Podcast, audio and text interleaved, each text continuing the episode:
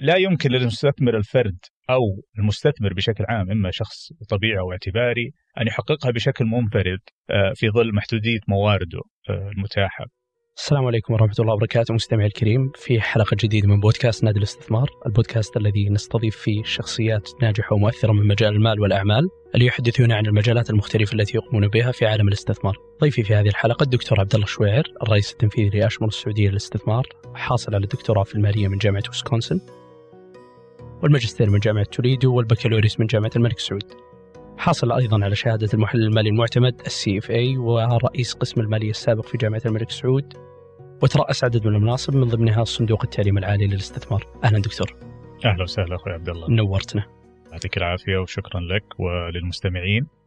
ولزملائك وزميلاتك في نادي الاستثمار في جامعة الملك سعود. بداية آه، حاب أسأل ال- التجربة والطريق خلال آه، البكالوريوس والماجستير والدكتوراه كيف كانت وكيف كان ارتباطك بالمجال؟ في البداية طبعا آه، مثل ما ذكرت كان عندي شغف في هذا المجال خصوصا في المالية وكان في وقت يمكن ما كان ال- ال- ال- القطاع ناضج بما هو حاصل الآن. آه، إحنا نتكلم على منتصف التسعينات ونهاية التسعينات وبداية الألفية. وكان عددنا قليل حقيقة في في التخصص آه، إما في الدراسة أو حتى في القطاع. ولم يكن هناك وقتها هيئة السوق المالية آه، كمنظم ومشرع. ولا توجد شركات تدير الأموال كما هو حاصل الآن. الكثير من المنتجات الاستثمارية وقتها كانت عن طريق البنوك. عدم توفر المعلومات كما هو حاصل الآن. وكانت بدايات آه، الإنترنت. كانت ف- فترة آه، قد تكون صعبة لمن كان آه، يطمح أن يكون مدير الاستثمار أو صناديق طبعا أنا تخرجت من جامعة الملك سعود تخصص المالية وتعينت معيد في الجامعة ذاتها وابتعدت لأمريكا وحصلت على الماجستير والدكتوراه في هذا التخصص. ميزة تخصص المالية آه، أنه ملاصق بشكل كبير للسكتر و أو أو القطاع فما يدرس ويعلم يطبق في الغالب. ولكن آه، ال- الواقع دائما مختلف.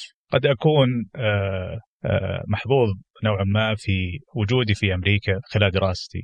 وكان وقتها نهايات حقيقة كانت ال- ال- ال- ال bubble ال dot com bubble اللي حصلت في بداية ال 2000 2001 المتعلق باسهم الإنترنت صحيح؟ نعم شركات الإنترنت والانهيار اللي حصل فيه. وأيضا في نفس الوقت كان بداية لبعض الشركات التي كانت محظوظة واللي نشوفها الآن مثل أمازون واي باي وبعض الشركات اللي نجحت آه، من رحم هذا الفشل الكبير اللي كانت في كثير من الشركات. وهو شيء آه، شيء طبيعي أن يكون هناك ناجحين قلة وأقل حظا هم الكثرة. وأيضا في فترة الانهيار أيضا المالي في 2007 و8 وأيضا 9 وما حصل فيها بدأت كثير من الأسئلة تثار عن أثر التقييمات اللي كانت تحصل على كثير من الأصول إما أصول ملموسة أو غير ملموسة. تجد هذه كانت فرصة للخوض بشكل أعمق في بعض الدراسات اللي حصلت خلال هذه الفترة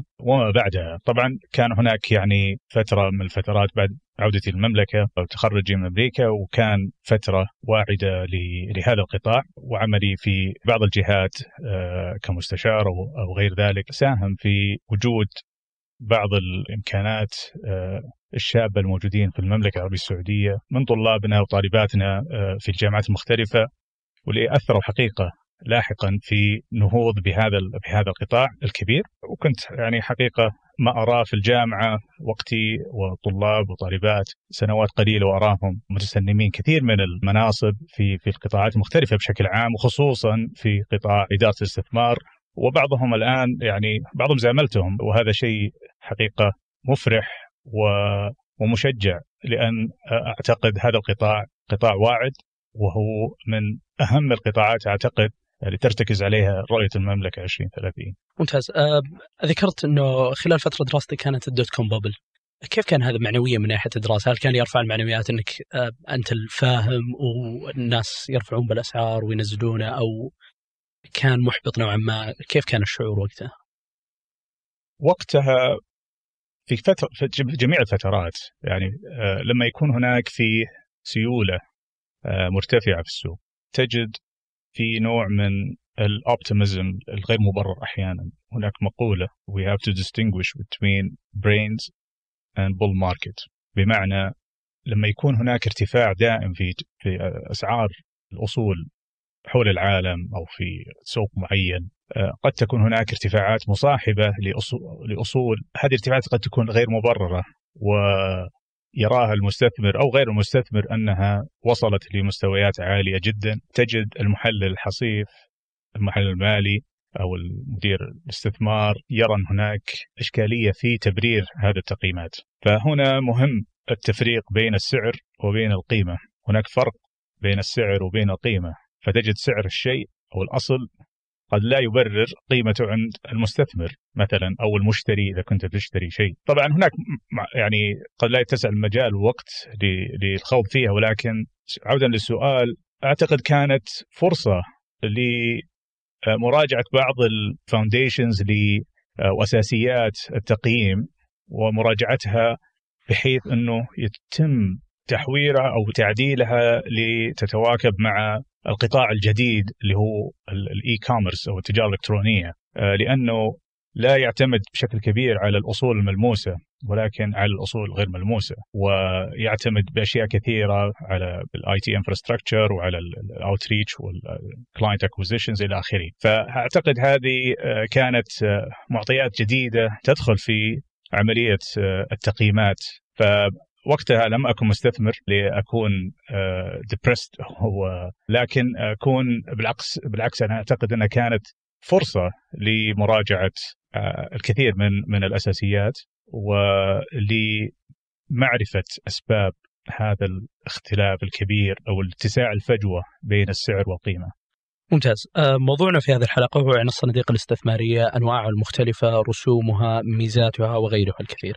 بداية ما هي الصناديق الاستثمارية ببساطة؟ الصناديق الاستثمارية هي أوعية أوعية استثمارية تقوم بجمع آه، رؤوس أموال من أفراد ومستثمرين قد يكونوا غير أفراد ويديرها شخص مهني يفترض مرخص من الجهة آه، المشرعة والمنظمة للسوق وتدار هذه الصناديق وفقا لاستراتيجيتها وأهدافها الاستثمارية. وهذه يضعها عادة مدير الصندوق وينشرها للمستثمرين.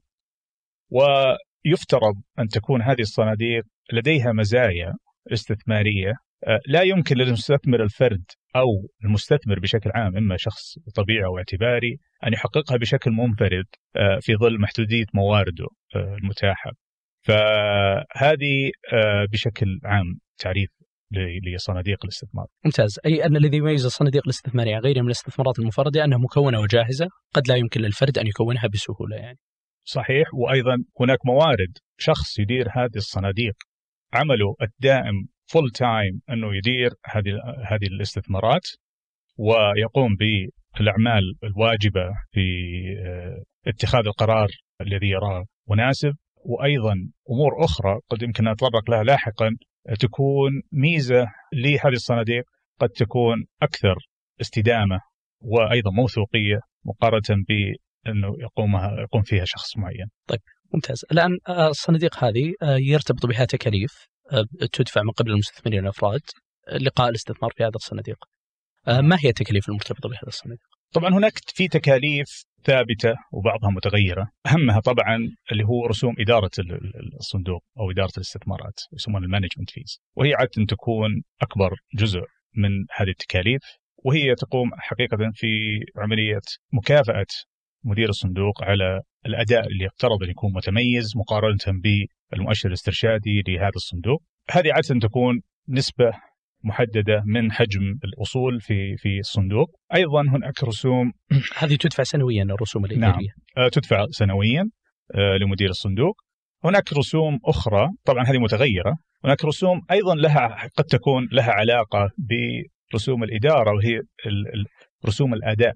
بمعنى إنه في حال وهذه تكون في غالبيتها في بعض أنواع الصناديق الأصول مثلا تكون في الأسهم أو في ال private equity اللي هو الملكيات الخاصة. هذه تكون طويلة المدى وتدفع في نهاية فترة الاستثمار أو عند إغلاق الصندوق وتصفية أصوله، لكن هذه الرسوم مبنية على تحقيق أداء أفضل من المؤشر الاسترشادي. بمعنى إذا كان أدائك 10% والمؤشر الاسترشادي مثلا اللي هو على للتبسيط إنه أداء السوق مثلا كمؤشر والمؤشر عمل 5% 5% هذه الإضافية اللي أنت عملت آه، أفضل منها أفضل من السوق آه، يفترض أن تحصل على جزء وليس كل طبعا جزء من الأداء المتميز أو اللي حقق أعلى أداء من أداء المؤشر الاسترشادي.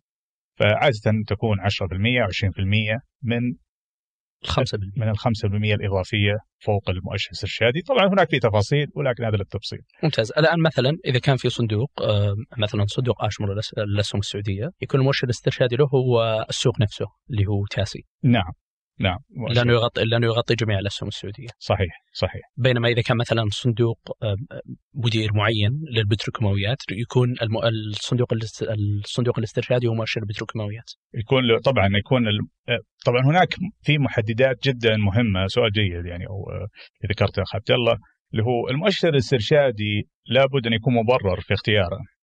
وأيضا يكون هذا المؤشر انفستبل بمعنى يستطيع أي شخص إنه يستثمر في هذا المؤشر، طبعا اللي حاصل يمكن في في الأسواق الناشئة آه، بعض المؤشرات قد تكون كستمايزد أو أو أو يعني آه، مصممة خصيصا لسوق معين أو قطاع معين، قد لا يكون هذا المؤشر الاسترشادي يوازيه صندوق آه، مثلا مؤشر في هذا القطاع أو في هذا السوق. ولكن نعم هناك مؤشرات للتبسيط يكون عادة إذا كان الصندوق استراتيجيته مفتوحة أو مرن في استثماراته عادة يكون يأخذ مؤشر السوق. ممتاز. طيب آه للصناديق الاستثمارية أنواع مختلفة آه من عدة تصنيفات معينة لكن ببساطة ما هي الأنواع المختلفة من الصناديق الاستثمارية؟ طبعا إذا إذا شفنا الصناديق هناك نوعين لتصنيف الصناديق. النوع الأول تصنيفها إما هي تكون open-ended أو مفتوحة أو closed-ended آه، هذا كتصنيف كهيكلة للصندوق. وهناك تصنيف آخر لاستراتيجية الصندوق. هل هي مبنية على أساس الأصول الموجودة في هذا الصندوق؟ بمعنى هناك صندوق للأسهم. هناك صندوق للسندات والصكوك. أو الدخل الثابت. وهناك صناديق للأسواق المالية والماني ماركت آه، آه، والمرابحات. وهناك صندوق للاستثمارات البديلة. وهناك صندوق عملوها يسمونها المالتي أسيت اللي هو الأصول المتعددة. هذه مبنية على أساس استراتيجي أو استراتيجية الاستثمار فيها ونوعية الأصول آه، في هذه الصناديق. يمكن النوع الأول اللي ذكرت أو التصنيف الأول اللي هو المغلق والمفتوح. المغلق أو ال closed-ended آه، أسهل طريقة نفكر فيها كأنها شركة تنزل IPO والسبب لأنه هذا الصندوق يقوم بطرح وحدات محددة بعدد محدد من الوحدات نقارنها بالشركات كأسهم. هذا ال closed-ended ال closed-ended نعم. افضل مثال ال REIT ينزل حجمه معروف. محدد الحجم محدد أعداد الوحدات. يتم التداول فيه على أساس إنه شخص أو مستثمر في هذا الصندوق يريد أن يبيع عدد من الوحدات. ولكن مدير الصندوق لا يستطيع إنشاء آه، وحدات إضافية في حال مستثمر جديد يريد ان يعني يدخل في هذا الصندوق. وهذا يأتينا إلى النوع الثاني اللي هو ال open-ended أو المفتوح. ال open-ended آه، عادة ليس له عدد محدود من يعني بشكل نظري من الوحدات ويكون آه، يزيد عدد الوحدات كل ما دخل آه، مستثمر جديد. آه، مثل صناديق الأسهم الماني ماركت عادة تكون هذا أفضل مثال لأن السوق مفتوح ولكن بشكل نظري هو مفتوح للأبد ولكن عمليا هناك حد معين. قد يكون مدير الصندوق يأتي فترة من فترات يقول لأن حجم الصندوق وصل لحجم معين قد يغلق الصندوق. يغلق الصندوق يرفض آه، الاشتراكات الجديدة فيه. قد يكون بسبب استراتيجي قد يؤثر في أداء آه، الصندوق ويمكن يؤثر حتى في السوق بشكل عام. طيب آه، تنقسم أيضا الصناديق من حيث نوعية الإدارة إلى نشطة اللي هو يقوم مدير الصندوق بالشراء والبيع بشكل متكرر حسب ما يراه حسب تحليلاته وأمور أخرى والخامل. اللي يكون غالبا يتعقب أداء السوق ويكون مثله نفس الأوزان الموجودة بالسوق. ما الذي يميز الصندوق النشط عن الخامل؟ إذا اعتبرنا أنه الخامل غالبا تكون تكلفته أقل لأنه تكلفته الإدارية أقل. في ظل سوق غالبا تتزايد الكفاءة فيه. سؤال جدا ممتاز. هل الصن... هل السوق في كفاءة؟ طبعا نظريا هناك ثلاث أنواع من كفاءة السوق وال inefficient و semi-efficient و efficient لا يوجد سوق نظريا الآن حاصل على أنه ذو كفاءة عالية أو كاملة. السوق في فرص. ذكرت نقطة جدا مهمة. في انهيار الأسواق المالية في 2008 كان هناك نوع من ال shift من ال active management لل passive اللي هو ال ETF funds وكانت مبررة آه، لأنهم وجدوا كثير من الصناديق ذكرتها خلال ثلاث سنوات أو خمس سنوات أدائهم يكون أقل من المؤشر الاسترشادي، بينما المؤشر الاسترشادي رسومه جدا بسيطة أو أو آه، لأنه يستثمر في المؤشر، يستثمر في السوق. أعتقد أن هناك دائما فرصة في أي سوق وخصوصا في الأسواق الناشئة. الآن نرى أيضا shift من ال passive إلى ال active. ولكن السؤال المهم أي مستثمر يريد ان ان أن يسأل نفسه كيف أفرق بين الصندوق الجيد والاقل من ذلك؟ نقصد بالجيد أو الأداء ذو الأداء الجيد اللي عنده تناسق واتساق في أدائه لفترة آه، طويلة ونقول يعني إنه من ثلاث سنوات آه، أداؤه دائما يكون أفضل من المؤشر الاسترشادي، الأفضل من ذلك إذا كان خمس سنوات وهو يعني يبيتنج البنش مارك أو يكون اداء أفضل من ال وهذه حقيقة شروط لكثير من المستثمرين المؤسسيين أو المؤسساتيين يركزون لما يقوموا بأعمال الدراسات والفحص النافي جهالة لكثير من مدراء الاستثمار والصناديق، أول شيء ينظرون إلى كيف أداء هذا الصندوق مقارنة بالمؤشر الاسترشادي، إذا وجدوا انه هناك سنة أفضل وسنة أقل، سنة أفضل وسنة أقل، هنا ينظرون إلى إلى معايير أخرى قد يكون هذا المدير ما عنده تناسق في اتخاذ القرارات أو قد يكون هناك في قد لا يكون في حقيقة استراتيجية واضحة في أو أو طبعا يكون في استراتيجية للاستثمار لكن لا تتبع عن طريق المدير الصندوق. بدأ الوعي يرتفع عند المستثمرين الأفراد وبدأ ينظرون لهذه الصناديق آه، بشكل عام يعني ليس يعني في أمريكا وأوروبا لكن أيضا حتى في الدول الناشئة من ضمن المملكة العربية السعودية. تجد المستثمرين بدأوا الآن ينظرون إلى ما ينشر في تداول ينظرون إلى والمعلومات موجودة كل صندوق موجود في تداول له صفحة في جميع المستندات والتقارير الربعية مثلا للصناديق الأسهم على سبيل المثال تبين فيها آه، أداء الصندوق مقارنة بالمؤشر الاسترشادي. فثلاث سنوات أداء أفضل من المؤشر الاسترشادي أو خمس سنوات أفضل وهم حقيقة قلة. في الأسواق الأمريكية وجدوا أن المدير الأكتف مدير الصندوق الأكتف واداؤه أفضل من المؤشر الاسترشادي لخمس سنوات لا يتجاوز 3% بحيث إنه الغالبية العظمى من من الصناديق لا تصل إلى خمس سنوات وهم أفضل مؤشر. وطبعا يكون أقل النسبة أقل إذا رحت العشر سنوات. فهذه آه، قد تكون طريقة لكن السوق بشكل عام لم يصل ولن يصل إلى كفاءة تامة. إحنا نتكلم دائما على ال semi-efficient market هو يمكن أفضل موجود في الأسواق المتقدمة، الأسواق الناشئة فرصها قد تكون أكبر. ولكن أيضا مخاطرها قد تكون أكثر. ولكن في اختيار مدير الصندوق في مثلا في الأسواق الناشئة تكون آه، أيضا للمتخصصين والذي عندهم أيضا باع طويل و governance عالي وحوكمة في إدارة الاستثمارات.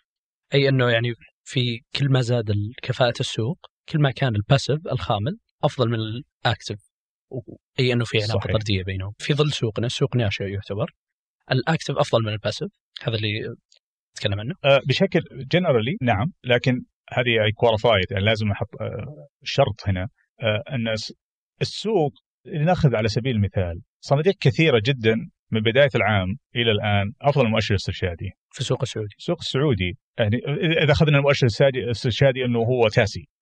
آه طبعا آه للتبسيط فقط. ولكن أفضل وقت أو أفضل طريقة ل to challenge this يعني performance أن تشوف على مدى ثلاث سنوات خمس سنوات. تجد أعداد بسيطة جدا من إقام حقيقة بأداء أفضل من المؤشر الاسترشادي أو أداء السوق بشكل عام. وهذه طبعا يمكن يقودنا إلى هل الفرد أفضل له أنه يستثمر فيه في صندوق أو يقوم بنفسه. هذه طبعا سؤال كبير ولكن هناك جهود جيدة وحقيقة مشكورة من هيئة السوق المال في رفع محاولة رفع مستوى الوعي عند المستثمرين وأيضا في مراقبة الصناديق وفي متابعتها والتأكد من تطبيقها لأنظمة ولوائح الهيئة حسن ما نوع مستثمري الصناديق وما سلوك كل واحد منهم من ناحية المؤسسات والأفراد؟ مثل ما ذكرت هناك مستثمرين مؤسسيين أو مؤسساتيين إما يكونوا جهات اعتبارية خاصة أو عامة شركات تستثمر الفائض من من الكاش اللي موجود أو النقد اللي عندها أو يكون جزء من استراتيجية الشركات هو الاستثمار. وهذه عادة يقوم عليها فريق من هذه الجهات أو ممثل لهم باختيار الصناديق المناسبة أو المدير مدراء الاستثمار المناسبين وهناك طبعا الأفراد الأفراد اللي هم أنا وأنت والمستمعين يقوم بنفسه يمكن في اتخاذ قرارات استثمارية آه، ومتابعة استثماراته إذا كان يقوم بها بشكل خاص أو بشكل مباشر، لكن عودا إلى المستثمر المؤسسي عادة آه، المستثمر المؤسسي يقوم بإجراءات قد تكون مكلفة للفرد لو قام بها بشكل آه، مباشر اللي هي عمل فحص الناس الجهالة في عمل فلترة أو سكريننج للسوق آه، في متابعتها بعد الاستثمارات ولكن في اختيار مدير الصندوق هناك قد تكون أسابيع لم تكن أشهر في آه، مراجعة آه، والتحقق من الأداء واللقاء بالفريق والتأكد من ال operation frame للشركة أو مدير الاستثمار في ال reporting والتدقيق حقيقة في كثير من التفاصيل اللي قد تغيب عن المستثمر الفرد وقد يكون هناك فرصة لمعرفة أكثر عن آه، آه، فريق اللي يدير الصندوق واللقاء بهم لأن في الحقيقة هذا القطاع مبني على أشخاص وأفراد وهم حقيقة هم ال human capital هو ال capital لراس مال الشركات الاستثمارية. فلكن لا نغفل أيضا وجود الإطار الحوكمة وأيضا وضع حدود لمدير الصندوق أو أو على الأقل توثيق جميع القرارات الاستثمارية وتبريرها آه، بحيث أن يكون هناك منهجية متبعة في اتخاذ القرارات. هذا المستثمر المؤسسي، المستثمر الفرد قد يكون يعني بسيط في اتخاذ القرار وفي عملية السكرينينج وقد يكون مكلف من وقت وجهد ومال أو أحد منها آه، لاتخاذ قرارات ولكن في الغالب آه، نجد انه الفرد يبتعد عن الاستثمارات في الصناديق ويحاول انه يعني يستثمر بشكل مباشر في الأسهم ويخلق محفظة لنفسه إذا كان يعني مهتم في الاستثمار في الأسهم فقط. ممتاز، طب من ناحية العوائد، هل غالبا المؤسسات يسعون للحفاظ على ثروتهم عكس الأفراد اللي يسعون لتنميتها أم يختلف من مؤسسة لمؤسسة منفرد؟ طبعا يس المستثمر المؤسسي ما هو واحد. هناك مثل ما ذكرت خلينا يعني نقسمه لقسمين للتبسيط هناك مستثمر مؤسسي آه، هدفه طويل المدى يستثمر مثل صناديق التقاعد والاستثمارات السيادية أو اللي لها يعني وضوح في أهدافها الاستثمارية والعوائد من ناحية تدفقات نقدية. هذه مثلا في ال pension funds أو الصناديق التقاعدية. هي تعرف بشكل أكثر وضوحا كم تحتاج من تدفقات نقدية خلال ثلاث أربع سنوات القادمة فتركز في مزيج الاستثمارات حقتها تكون آه، جزء فيه liquidity عالية أو سيولة عالية أو أقل سيولة. هناك مستثمرين مؤسسيين short term يعني ينظر إلى أنه العوائد تكون خلال سنة أو أو أقل من ذلك. فالأهداف الاستثمارية والمدى الزمني الاستثماري أعتقد هو أحد المؤشرات للتفريق بين المستثمرين المؤسسيين. ممتاز، طب هل تزايد اهتمام وتوجه الصناديق نحو أفراد أصحاب الدخل المتوسط مقارنة بتركيزهم السابق في الأغلب على أصحاب الثروات؟ وكيف يمكن أن تجذب الصناديق أفراد جدد في ظل التغيرات الديموغرافية الحالية؟ أعتقد هذا سؤال جدا مهم ويعني واهميته في توقيته حقيقة. أعتقد الاهتمام ب أو توجه للصناديق من الأفراد بشكل عام في الأسواق أو في الدول لنأخذ على سبيل المثال الولايات المتحدة هناك في محفزات ضريبية أن الشخص يستثمر في صناديق لأغراض مثلا التقاعد وهناك في أنظمة ضريبية تنظم هذا الشيء وتحفز حقيقة أن يكون هناك استثمار طويل المدى عن طريق الصناديق في الغالب. هل السؤال هل أيضا هل هناك ليس فقط من اهتمام من الصناديق أو مدراء الصناديق لكن قد يكون اهتمام من الأفراد نفسهم للاستثمار في الصناديق والابتعاد عن الاستثمار المباشر آه ل يعني مزايا اللي موجودة في الصناديق الحوكمة والاوفرسايت من المشرع آه، مثلا هيئة السوق المالية وفي غيرها في الدول الأخرى يعطي اطمئنان وموثوقيه أكثر آه، وخصوصا من مر بتجارب وخسر بشكل مباشر لأنه يكون عادة ما عنده الموارد الكافية في تغطية السوق بشكل كامل آه، وهذا الشيء اللي موجود عادة في في مدير الصندوق. عنده موظفين يغطون السوق وهذا شغلهم بشكل يومي. من 9 ل 6 من 9 ل 6 شغلاتهم يمسكون فلوسك على الصندوق. فعلا. لكن أنت الآن موظف full time تشتغل يعني تطلع من الدوام ما عندك الوقت آه، وقد إذا كان هذا مسألة وقت فقط ولكن قد يكون ما عندك العلم آه، الكافي في تغطية ومتابعة السوق وتحديث قراراتك الاستثمارية. لانك لو اشتريت سهم اليوم لا يعني إنك راح تحتفظ فيه لمدة عشر سنين. قد يكون هناك وقت يعني يعتمد وش السهم هل هو cyclical non-cyclical القطاع قد يكون في متغيرات فهذه فنعتقد التوجه الآن قد يكون من الفرد آه، لأصحاب الصناديق وليس العكس، قد يكون هناك محفزات أخرى تحفز الأشخاص إنه يستثمر في الصناديق بدل ما يكون استثمار مباشر في السوق. طيب في حرق بالفرد العادي مثلا أن يستثمر في الصناديق الاستثمارية ويحقق أهداف مالية مختلفة، مثلا معاش تقاعدي إضافي بعد التقاعد أو بس معليش ممكن أعلق على نقطة إيه؟ أنت ذكرت كيف يمكن تجذب الصناديق الأفراد؟ أنا أعتقد خصوصا في ظل الديموغرافيه اللي ذكرتها، أنا أعتقد الآن إحنا نتكلم عن التقنية المالية وال fintech big word now buzz word وكل يتكلم فيها. وأعتقد هناك الديموغرافيه الموجودة في المملكة آه، كبيرة جدا آه، في ال access لل smart phone وال technology بشكل عام يعني they're tech savvy access to smart phone عندنا من أكثر الدول في العالم في في استخدام الأجهزة الذكية. هنا يكون ال accessibility أسهل وال reach من أصحاب الصناديق والعكس أيضا من الأفراد للبحث عن الصناديق والاستثمار يكون أسهل، فنعتقد هذه أيضا هذه قد تكون انيبل أو مسرع للتواصل بين الصناديق وبين الأفراد. ممتاز، طب إذا أنا مثلا بستثمر برضو بالصناديق الاستثمارية الأهداف مثل المعاش التقاعد زي ما ذكرت أو شراء مسكن أو إني أحقق الحرية المالية اللي هنا مثلا آه، مصاريفي تكون أقل من المبلغ الكامل اللي أنا ادخله. ما سياسة اختيار الصندوق المناسب التي يتحرى علي إني أتبعها لكل رغبة منهم تقريبا؟ آه، سؤال جدا مهم، أنا أعتقد في اعتبارات كبيرة وكثيرة يمكن وكبيرة أيضا يعتمد على مستوى دخل الفرد عمره أهدافه هل هي مثلا شراء مسكن تحقيق الحرية المالية بحد ذاته طبعا مختلف من شخص لشخص هناك ما يسمى يعني لو supplementary pension funds أو أو scheme موجود في كثير من الدول وأيضا في بعض الشركات موجودة حتى في المملكة.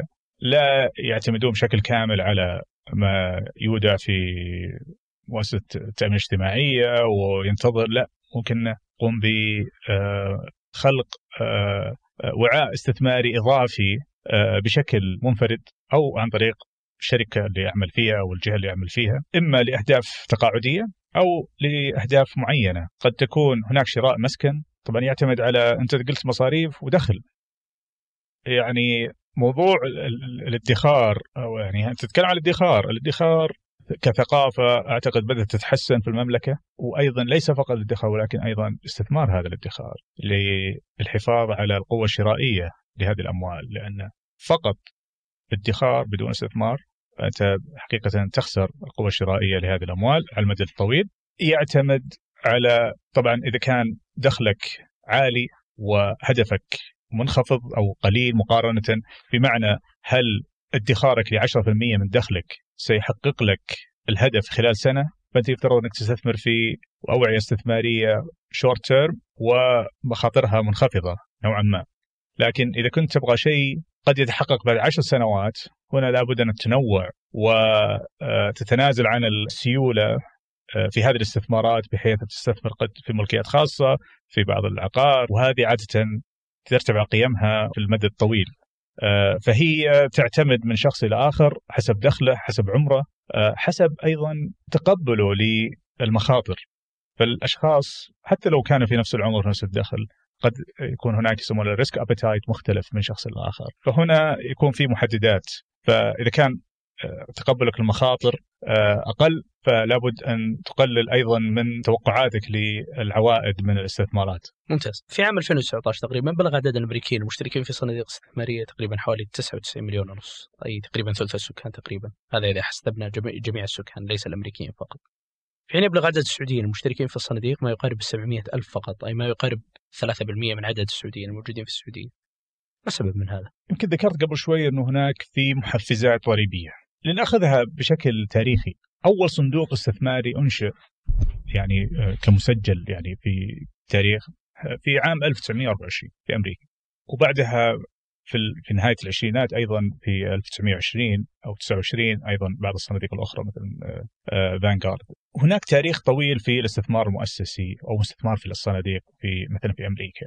فأنت تتكلم عن تقريبا 100 عام من قطاع آه، بآلاف الصناديق والاستثمارات والعمق في السوق الأمريكي والاتساع آه، أفق الاستثمار وأشكاله في في أمريكا بالإضافة إلى المحفزات الضريبية لأن أعتقد وصل مستوى وعي أعلى من مقارنة بالمملكة. إحنا الصناديق بدأت بشكل نظامي تقريبا من 15 ل 20 15 ل 16 سنة في آه، لما أنشئت هيئه السوق المالية وبدأت في إعادة تنظيم الصناديق اللي كانت موجودة في البنوك وليس لما يكون هناك وقتها آه، الفصل بين القطاع الاستثمار والبنوك التجارية. البنوك الاستثمارية والبنوك التجارية نعم. وهذا آه، بدأ ولادة كثير من من الصناديق اللي وصلنا تقريبا حوالي 300 صندوق آه، في السوق السعودي. قد نظر ننظر لها بشكل تاريخي. جت فترة من الفترات كان الصناديق هي الملاذ للاستثمارات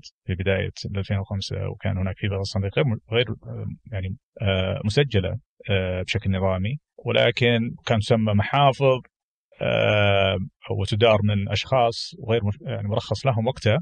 ولكن النقطة المهمة أعتقد أنه مستوى الوعي والمحفزات اللي تجعل الشخص يقبل على الاستثمار في الصناديق مقارنة بالاستثمار المباشر وهذه يعني قد تكون سؤال يفسر أنه الشخص الفرد في الغالب لا يستطيع أن يحافظ على أدائه الاستثماري مقارنة إما بالسوق بشكل عام أو ببعض الصناديق الموجودة في السوق.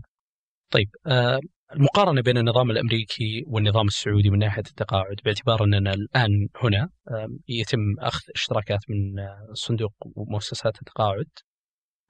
يتم صرفه على المتقاعدين والباقي يتم استثماره. بينما في النظام الأمريكي آه يكون كل شخص مشترك بنشن فند اللي هو نفس الصناديق الاستثمارية لكنه مخصصة للتقاعد. ما الفرق بين النظام السعودي والنظام الأمريكي؟ طبعا مثل يمكن ذكرت ومن ناحية التطبيق أيضا هل ممكن أن نطبق النظام الأمريكي هنا؟ هل هو أفضل؟ هل النظام السعودي أفضل؟ أيهم أفضل؟ لابد يكون هناك محفز للادخار لأغراض التقاعد. المحفز في أمريكا هو الضريبة، المزايا الضريبية للعوائد على الاستثمارات في التقاعد أو للصناديق التقاعدية أو البرامج التقاعدية آه، محفزة بشكل كبير تجعل المستثمر أو الشخص آه، الطبيعي أنه يضع أموال أو جزء من امواله في هذا الصندوق أو هذا البرنامج. بعد سنوات آه، لأنه معفى من الغالب عادة يكون معفى من ضريبة الأرباح الرأسمالية. هناك محفزات أخرى. السحب منها يكون جدا صعب إلا في أمور محددة بالأنظمة لأسباب قد تكون جدا يعني قاهرة. بالإضافة إلى عدم كفاية التقاعد الإلزامي اللي موجود في أمريكا هو social security لأنه هو حد الكفاف آه، وشخص عادة في سن متقدمة متطلباته قد تكون آه، مرتفعة خاصة في الأمور الصحية والطبية. بالإضافة لأنه يحتاج يمكن آه، عنده أهداف أنه يشتري منزل في مكان آخر في منطقة كان يحلم أنه يعني يسكن فيها. هذه طبعا محفزات. وتجد بعض الأشخاص يضع جزء من دخله في أكثر من برنامج. فبعض البرامج آه، قد تكون محفزة إما كانت شركات أو جهات يكون هناك matching إذا حطيت ألف دولار أنا كموظف أو شركة أضع ألف دولار أخرى to match you طبعا إلى إلى حد معين لتحفيز الأفراد. وهي أيضا تستخدم كأداة لإبقاء الموظفين في الشركة أو في الجهة بحيث إنه الشخص اللي قرر الاستقالة مثلا سيفقد آه، السبورت اللي أو الماتش اللي حصل عليه من الشركة وقد تكون في فترة من فترات مبلغ كبير آه، فهذه جزء. فهناك محفزات. سبب أن عدم وجودها في المملكة هي موجودة ولكن في نطاقات جدا ضيقة في شركات محدودة وفي جهات معينة تقوم بهذا الأمر لأسباب مختلفة. آه، ولكن أنا أتوقع سيكون هناك إقبال على بعض المنتجات الادخارية. لابد يعني قد يكون هناك يعني آه، من بعض المشرعين ويكون هناك محفزات إضافية ولكن أعتقد هناك في ارتفاع في مستوى الوعي آه، عند الأفراد في ادخار جزء من أموالهم إما لأغراض تقاعدية أو لأغراض آه، قد تكون ليست استهلاكية ولكن لأهداف مثلا شراء منزل أو تعليم لأطفالهم أو لغير ذلك. سننتقل للمقارنة بين الصناديق وكفاءة السوق. حسب نظرية الصندوق الاستثماري اللي هي ال mutual fund theorem اللي تنص على إنه صندوق واحد فقط مكون من أفضل الأصول الخطره اللي هي الغير مضمونة الربح مثل الأسهم وغيرها يكفي لجميع الأشخاص وحسب المنطق بإنه الصناديق صاحبة الأداء الأفضل هي اللي ينتقل إليها الأموال والصناديق صاحبة الأداء الأقل تخرج منها الأموال. كيف لا زال في عدد كبير من الصناديق وفق هذا المنطق وفق هذه النظرية. يعني الآن جي. المفروض أنه الصندوق اللي يؤد اللي يحقق أفضل العوائد هو الوحيد اللي يبقى لأنه كل الأموال تتجه له وتخرج من الصناديق اللي تؤدي أداء أقل. طبعا هذا الثيورم يفترض أنه جميع الصناديق تقوم أو الصناديق اللي في محل استفسار أو الاهتمام يكون أداء أو استراتيجيتهم واحدة. من نادر تجد أنا أتكلم عن السوق السعودي هناك فيه صناديق متشابهة في الاستراتيجية، متشابهة وأحيانا تكون متطابقة، ولكن تجد هنا في عملاء وهنا تجد في عملاء. قد يكون هناك أمور أخرى تكون غائبة عن عني وعنك ما ندري ليش أشخاص. طيب هذا أداء الصندوق أقل من الصندوق الثاني، ليش ما ينتقل هذا المستثمر ويسحب فلوسه ويحطها في الصندوق الأداء اللي أفضل من هذا؟ طبعا هناك أعتقد في أسباب كثيرة، آه، بعضها تكون العلاقة بين المستثمر وبين مدير الصندوق، وخصوصا إذا كان هناك علاقة تتعدى الصندوق بمعنى أنه أنا أستثمر في صندوقك ولكن أحصل على مثلا مزايا أخرى في في صناديق أخرى على سبيل المثال بحيث أنه يكون total return أفضل للمستثمر هذا وعادة تكون مع المستثمرين الكبار. المستثمر الفرد ما هو يعني ال high net worth قد يرتبط عادة بما يوفر له تكون السهولة في الوصول للصندوق. قد يكون هذا عامل. فصعوبة الانتقال من صندوق لصندوق آخر قد يكون عائق. فيجد مثلا أنت مرتبط ببنك معين والبنك هذا عنده كابيتال و... ويسهل عملية الاستثمار بالكابيتال عن طريق مثلا نفس نعم. تطبيق البنك بشكل مباشر. صحيح. فهذه يكون سهولة الدخول وأيضا عدم مراقبة السوق مراقبة الصناديق الأخرى في السوق.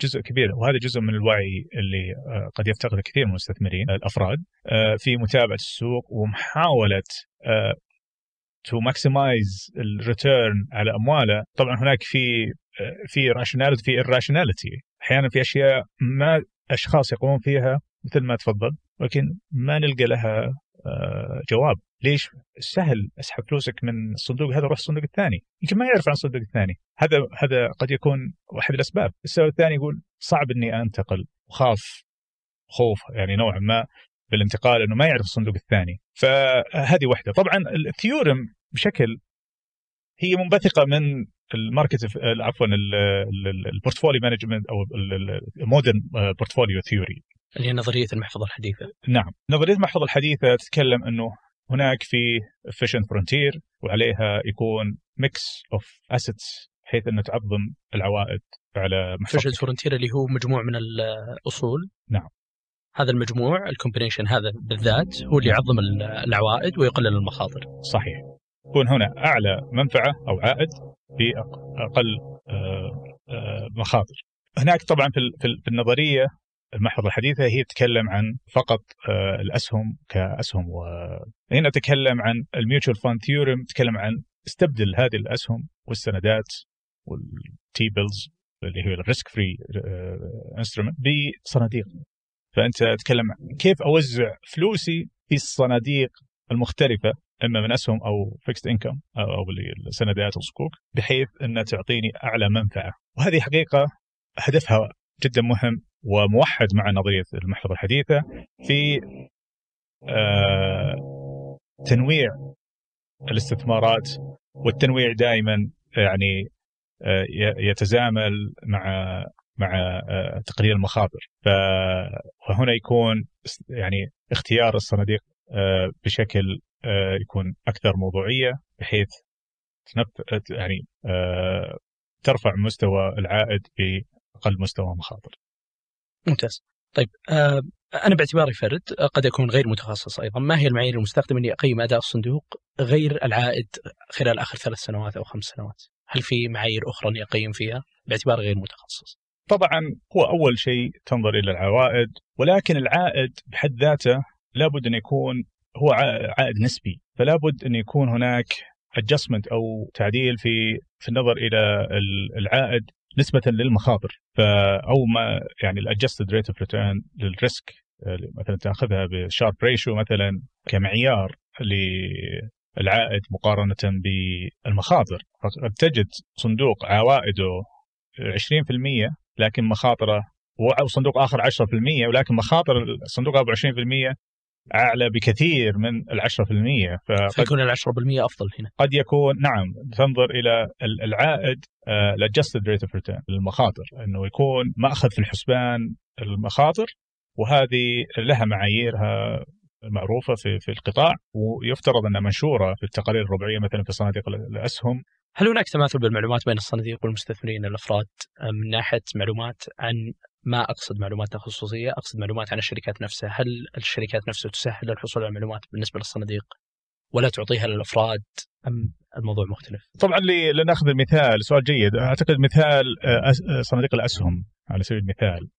طبعا من من المفترض إنه المعلومات اللي تعطى لأصحاب أو مدراء الصناديق يفترض تكون متوفرة أيضا للأفراد. على سبيل المثال هناك دائما ما يسمى الأناليست كول لكل ربع آه، تقوم الشركة بدعوة المستثمرين بشكل عام أو المحللين بالسوق لمناقشة آه، أول شيء لاستعراض ادائه المالي وغير ذلك بالإضافة إلى آه، الإجابة على أي أسئلة تكون مطروحة من المستثمرين أو من يمثل المستثمرين. في الغالب المستثمر الفرد لا يعرف عن هذه وهي معروف موجودة. تجد الشركة تعلن عنها وتضع رقم تليفون أو لينك الزوم أو أي يعني آه، طريقة. ولكن الفرد إما لم يجد الوقت للحصول على المعلومة ومراجعتها أو فهمها أو آه، أنه آه، لا لا يعرف عنها بتاتا. فهناك تماثل عدم تماثل حقيقة في في المعلومات الموجودة. الشيء المهم من ذلك المعلومة لما تصل للمستثمر الفرد مقارنة بال professional manager أو المدير المحترف للصندوق واللي زي ما قلت من 9 ل 6 وهو آه، شغلته انه يكون أداءه أفضل من المؤشر الاسترشادي وأفضل من المنافسين له في السوق. ف أثر ذلك على الأداء الاستثماري قد يكون في صالح مدراء الاستثمار والصناديق مقارنة بالمستثمر الفرد، آه، قد يكون الفرد متحيز في بعض المعلومات ولا ينظر لها بنظرة شمولية أكبر في آه، كيف أداء آه، الشركة ووزن هذه المعلومة مثلا أو المعلومات اللي يحصل عليها على أداء الشركة بشكل عام. ممتاز، طب ما هي سياسة الصناديق في تقليل مخاطر محافظها؟ أعتقد أهم شيء أن يكون هناك إطار حوكمة مؤسسي ومتبع في عند مدير الاستثمار في اتخاذ قراراته الاستثماريه. أن يكون هذا أيضا موثق بحيث أنه كل قرار استثماري بالبيع بالشراء بالاحتفاظ أيضا آه ومراجعه يكون معتمد على سياسة استثمارية واضحة ومتبعة ويكون هناك تناسق لمدى طويل. وهذا يقلل من مخاطر تغير الأشخاص لأن ال corporate memory بيكون موجود وال investment memory يكون موجود على الأقل مكتوب فال transition يكون أقل ثروه يكون أقل. لكن في طريقة مبدأ وكل جميع لا تضع البيض كله في سلة واحدة. diversification للمستثمر الفرد. ونحن تكلمنا قبل شوي على ال mutual fund theorem إنك توزع في صناديق ولا ترتبط بصندوق واحد. طبعا يعتمد لمستوى المخاطر إذا كان مستوى المخاطر منخفض فقد تكون يعني صندوق مثلا في مرابحات وديبوزيت. ادائها يكون عادة أو عوائدها منخفضة ولكن أيضا المخاطر منخفضة. لكن كل ما ارتفعت المخاطر من الأفضل أن يكون هناك توزيع للمستثمر الفرد. ولكن لي أيضا مدير الصندوق أنه يتحقق بشكل دائم من المعلومات اللي يحصل عليها من الشركات اذا كنا نتكلم عن صناديق أسهم أنه يكون هناك اجتماع على الأقل ربع سنوي مع جميع الشركات اللي هم يغطونها في السوق بحيث يكون معلوماتهم محدثة ما في تغييرات جوهرية أو ما يشير إلى قد يكون هناك تغييرات جوهرية ويكون هناك يعني اتخاذ قرار مبني على يعني معلومات حديثة وبيانات حديثة عن الشركات. ممتاز. ما الفرق ببساطة بين صناديق التحوط والصناديق الاستثمارية؟ وهل هناك صناديق تحوط في السعودية أم لا؟ السؤال ما هو صندوق التحوط؟ صندوق التحوط هي من الصناديق باسمها تتحوط أنها تتحوط من ال downside في السوق. وهي بدأت من الأربعينات القرن الماضي ب simple يسمونه long short strategy سوق الأسهم وتطورت طبعا long short إنك تستثمر تشتري الأسهم وتبيع أسهم أخرى على المكشوف لأن الأسهم الأخرى تبيع المكشوف أو ال short selling يكون آه، تتوقع أن القيمة أو أسعارها ستنخفض. وهذه تعطي نوع من ال balance أو التوازن بين الاداء بحيث أنه لو صار هناك تغير في الدورة الاقتصادية في قطاع معين هناك في حماية نوعا ما. طبعا هي مخصصة للمستثمرين المؤهلين لأن عادة الصناديق هذه ما تقبل صغار المستثمرين نتكلم عن صغار المستثمرين الاقل من مليون دولار مثلا بيدخل في صندوق آه، فهناك في يعني مبالغ هي مرتفعة للمستثمر البسيط الشخص مقارنة بالمستثمر آه، يتقبل إنه يكون عنده ياخذ مخاطر كبيرة. ولكن هذه المبالغ اللي بيستثمر في الهيدج فند وصناديق التحوط تكون آه، لا تمثل نسبة كبيرة. الصناديق ال hedge fund ما ما هي موجودة في المملكة حسب ما أعرف آه، ال short selling الآن موجود. طبعا اللي صار في العالم صار في تحور عن الفكرة الأساسية من صناديق التحوط اللي هي ال long short. صار هناك استثمارات في أصول مختلفة عن الأسهم. على سبيل المثال بدأت يستثمروا في debt instruments اللي هي أحيانا تكون private debt illiquid صعب التسهيل وصعب التخارج منها ولكن قد يكون لها عوائد متوقعة أن تكون عالية جدا. يدخلون في private equity في بعض الاستثمارات وتكلفتها عالية في إدارتها وهي تحصل أيضا دائما ترتبط بال performance في كثير من الصناديق هذه بعد الانهيار اللي حصل أو الأزمة المالية في 2009 و2008 أغلقت أو أغلقت أبوابها آه، لكثير من الأحداث اللي حصلت في في ذلك الفترة آه، سببت خسائر كبيرة جدا. ممتاز، آه، هل تعتقد أنه إضافة سوق مشتقات في السعودية فعال راح يمكن من تواجد صناديق تحوط في السعودية؟ هو طبعا لابد أن يكون هناك سوق مشتقات، طبعا هناك في بدأ السوق في introduction لل short selling موجود كنظام غير مفعل يبدو آه، بحسب ما ألاحظ في السوق ال futures الموجودة الآن فقط على ال index آه، لكن سيولتها جدا منخفضة لما نعم. نناظر حجم التداول طبعا. جدا جدا منخفض مع إنه بالدول المتقدمة حجم تداول المستقبليات أو العقود الآجلة أكثر من العقود الحالة. طبعا طبعا هو هذا يعتمد على الاستثمار المؤسسي. إحنا نجد بينما تجد في أمريكا على سبيل المثال الاستثمار المؤسسي والصناديق مثلا تكون هي الغالبية أكثر من 70% 80% بينما في المملكة إحنا نجد العكس المستثمر الفرد لا يفهم حقيقة يمكن التعقيد. التعقيدات اللي حاصلة في المشتقات المالية وكيف حسبتها وكيف خطورتها أيضا آه، في بعض آه، أنواع المشتقات المالية. آه، ومدى فائدتها له. بدأت بعض الشركات باستخدام بعض المشتقات المالية للتحوط ولكن أكثرها دائما تكون على الافكس هيجنج آه، اللي هو اسعار الصرف اسعار الصرف العملات آه، إذا كانوا عندهم تجارة خارجية خارج يعني دول تستخدم الدولار الأمريكي يعتمد طبعا على ذلك وليس كل الشركات حقيقة تستخدمها. أعتقد يحتاج السوق وقت وأيضا صناع سوق لايضا تحفيز. استخدام هذه المشتقات المالية. طيب هل يشارك مدراء الصناديق في سوقنا المحلي بشكل فعال بإصلاح الشركات المضطربه من ناحية أنهم يدخلون آه، حصة كبيرة فيها بحيث أنه يمتلك قدرة تصويتية ومثلا يرشح نفسه كعضو مجلس إدارة فيصلح بالشركة مثل ما هو موجود عدد من الصناديق بالدول المتقدمة ومستثمرين مشاهير مثل بل اكمن كارل وغيره. اللي ذكرتهم بل اكمن وأيكن هم مستثمرين أفراد ولكن استراتيجيتهم وكل من يستثمر معهم عارفين إنه يستثمرون مع activist مع مستثمر نشط. مدراء الاستثمار كشركات آه، مثلا مرخصة من الصعب جدا أن يقوموا بهذا العمل لاعتبارات كبيرة جدا. لأن to be activist يعني لأنك تكون مستثمر نشط وتؤثر في هذه قرارات الشركة لابد أن يكون عندك النفس الطويل. طبعا فاستراتيجيه الشركات استراتيجية الصناديق عفوا تكون عادة اتخاذ قراراتها يمكن في أقل من سنة أو حيث إنه ممكن يتخارج من هذا الصندوق وليس لو تكون في مجلس الإدارة مجلس الإدارة ثلاث سنوات بينما تكون أنت في في في السهم هذا إذا كان عندك target price وصلته سعر مستهدف لهذا هذا السهم فأنت تخارج فإذا تخرجت من السهم ما هي وظيفتك في في مجلس الإدارة؟ اللي أشوفه الآن في المملكة ما أشوف في صندوق آه، يقوم بهذا الشيء أعتقد هو هذا شيء طبعا مهم.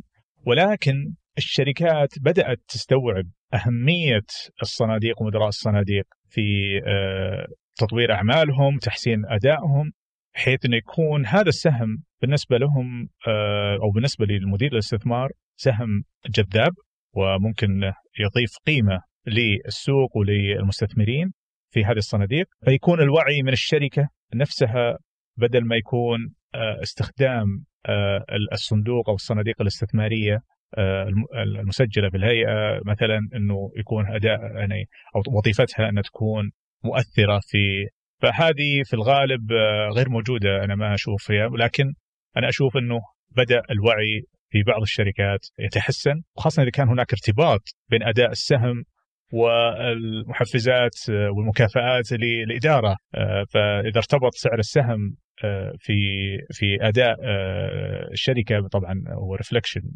أداء الشركة.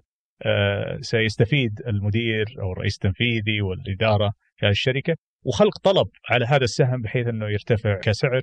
وأيضا يفترض أنه يرتفع كقيمة للمستثمرين. ممتاز جدا. شكرا لك دكتور عبد الله. الصراحة الحديث ماتع ما ودي أخلص منه. الله يعطيك الف عافيه شكرا آه، أخ عبد الله ولزملائك وزميلاتك.